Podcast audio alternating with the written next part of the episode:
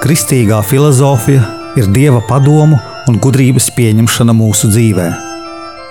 Mīlēt gudrību nozīmē mīlēt dievu, jo no dieva nāk patiesā gudrība. Raidījums Kristīgā filozofija.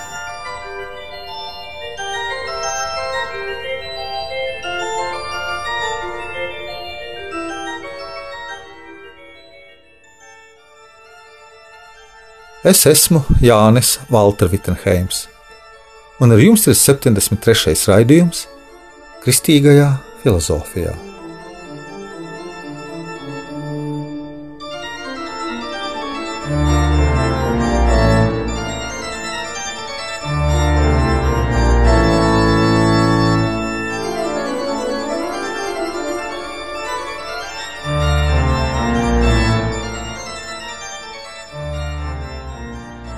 Ieskatīsimies Svētā Akvīnas Toma mācībā, kas parāda, ka mūsu prātam ir spēja sameklēt lietās to, kas tajās ir universāls un nemainīgs.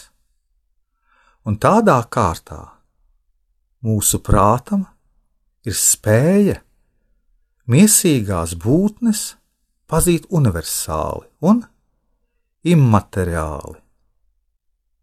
Tā tad nav nepieciešams atzīt dvēseles iepriekšēju eksistenci kaut kādā ideju valstī.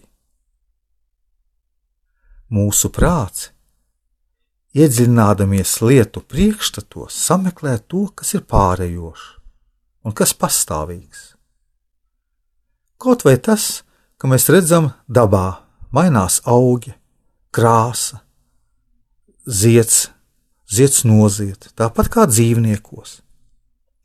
Prāts sameklē to, kas lietās ir būtisks, un spēj izdarīt abstrakciju. Tātad prāts spēja iedomāt būtisko projām no visa pārējošā. Prāta spēju, kas izdara abstrakciju. Svētais Akvīnas Toms sauc par darbīgo prātu, intelektus agents, bet to prāta spēju, kas abstrakto lietas būtību sevi uzņem kā ideju, Akvīnas Toms dēvē par intelektus possibilis. Un tas nav jāsaprot kā divu dažādu dvēseles spēju akti. Bet jāsaprot to, ka mūsu dvēsele ir kā viens un tās pašas pazīšanas spējas akta divi momenti, kā mēs iepazīstam lietas. Mēs lietās iepazīstam gan pārējošo, gan arī to, kas lietās ir mūžīgs. Tātad tikai skaidrs, dieva gribas pildīts prāts un pazemīgs gars spēj pareizi spriest visās lietās. Tātad cilvēkam vajag ļoti darboties ar sevi, lai viņš spētu, būdams kristīgs, ieiet dziļāk kristīgajā filozofijā iet pāri mirkļiem un saskatīt pašu galveno, uz kurieni mums jāvirzās un kā mums skatīties uz pasauli. Tātad ļoti svarīgi mums izveidot tīru mūsu prātu, kurā neiejaucas nekas liekais, kas var mūs novirzīt no pareizās virzības uz mūžību.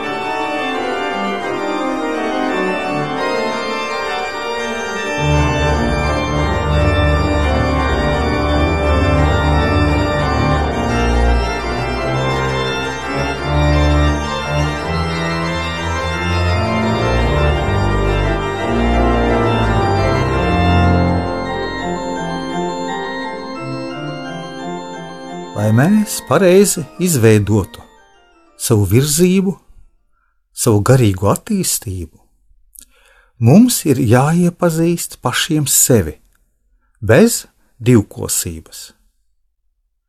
Mēs zinām, cik katrs esam reizēm dzīvē zemu krituši.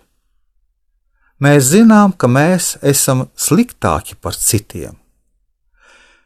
Kad mums pašiem ir kauns par saviem grēkiem un saprotam, kā mēs esam sāpinājuši Dievu, tad tikai mēs sevi uzskatām par lielākiem grēciniekiem nekā citi mums apkārtējie. Šī situācijā mēs skatāmies uz citiem savādāk. Tad mēs citus netiesājam. Ir divi ceļi savā attīstībā. Viens ceļš ir mīlestības ceļš, kad mēs skatāmies uz visu pasauli un uz Dievu savā mīlestībā. Un esot šajā mīlestībā, mēs neredzam citu mūsu trūkumus. Līdzīgi kā mīlestībā pret cilvēku. Kamēr mēs šo cilvēku mīlam, mēs neievērojam viņa trūkumus. Vēlāk, kad mums, kā mēs sakām, atveras acis par savu sievu vai vīru, kā piemērs, mūsos sāk zust mīlestība, vai jau reizēm vispār tā ir pazudusi, jo domājam tikai kā mums pašiem tagad būs labāk. Mīlestība dod spēju neredzēt citu cilvēku trūkumus, un cilvēkam mīlot Dievu, cilvēks neredz citu cilvēku trūkumus. Ja viņš tos redz, viņa mīlestība ir tikai virzīta uz Dievu. Šāds cilvēks, kas neredz citu cilvēku trūkumus, mīl cilvēkus tādus, kādi tie ir. Viņš mīl tos cilvēkus, par kuriem savu dzīvību ir devis Jēzus Kristus. Tas ir svētuma ceļš.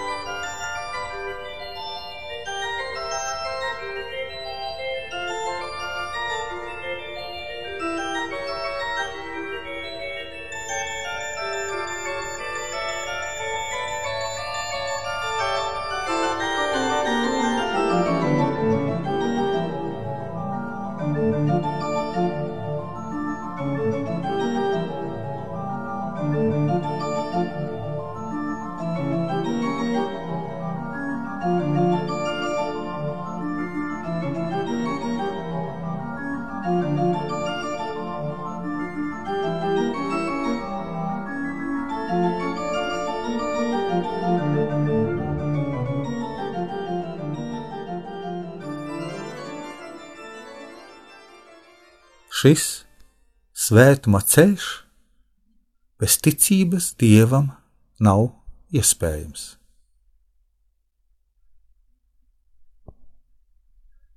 Mums jāsaprot, ka Dievs katru grēcinieku redz, zina visus viņa darbus un viņu mīl, un zina ceļu, kā šo cilvēku vadīt, lai viņš kļūtu stiprāks un varētu sekot dievam. Ja mēs to saprotam, tad mums nav nekāda vajadzība šo cilvēku tiesāt. Dievs taču parāda mums mūsu grēkus. Dievs parādīs arī tam, ko mēs gribam notiesāt. Mēs visi cilvēki esam Dieva pasaulē, kur, kā teikts, nemats no galvas nenokrīt bez dieva ziņas. Tā tad mums ir jālūdzas par to cilvēku, kurš nepareizi dara, nevis viņu jātiesā un jāaprunā. Ja mēs paļaujamies uz Dievu, tad mūsu lūgšanas par katru grēcinieku, ko mēs dienā esam satikuši, ir ļoti svarīgas. Dienas beigās, ja mēs pārdomājam šo dienu, tad lai mūsos būtu mazāk lepnības un mūsos nerastos citu aprunāšana, mums ir jālūdzas par tiem cilvēkiem, kuri nav spējīgi sekot Kristum. Ja mēs lūdzamies par citiem, pārdzīvojam par citiem, tad ar vien mazāk mēs šo cilvēku nosodzām, bet gan palīdzam viņam ar savām lūgšanām. Dvēselē, piepildītā ar mīlestību, nav vieta citu nosodījumam. Citu cilvēku tiesāšana vienmēr saistīta ar mūsu lepnību tiesa var tiesāt. Tā tiesā pēc valsts likuma. Cilvēks nedrīkst, jo tiesā pēc sava likuma, pēc sava gara attīstības pilnības likumiem. Bet pilnība ir tikai Dievā radītājā. Mēs varētu teikt, redzi, cilvēks sagrēkoja. Mēs pat nezinām, kādā ceļā viņam ir jāiet. Un mēs nevaram viņu nosodīt, jo nezinām, kādu nelaimi viņš ar savu grēku sev dzīvē rada. Mēs vienkārši konstatējam saku, faktu, sakot, redz, cilvēks sagrēkoja. Bet, ja mēs pie tā pieliekam, es tā nedarītu, mēs to nosodām un lepnībā viņu tiesājam. Mūsu dvēsele spēju aktam jāredz, kāds ceļš cilvēkam lemts no mūžības, un kāds ceļš ir pārējošs. Tā tad nav mums vajadzība tiesāt pārējošo viņa attīstības procesā, jo tikai Dievs zina patiesību un to ceļu, kuru iet šis cilvēks.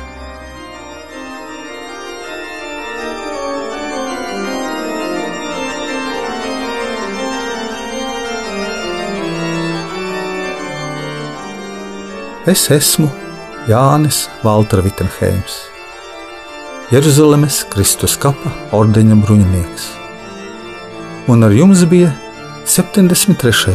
raidījums Kristīgajā filozofijā. Cilvēka prāta spēja izšķirt laicīgo un mūžīgo.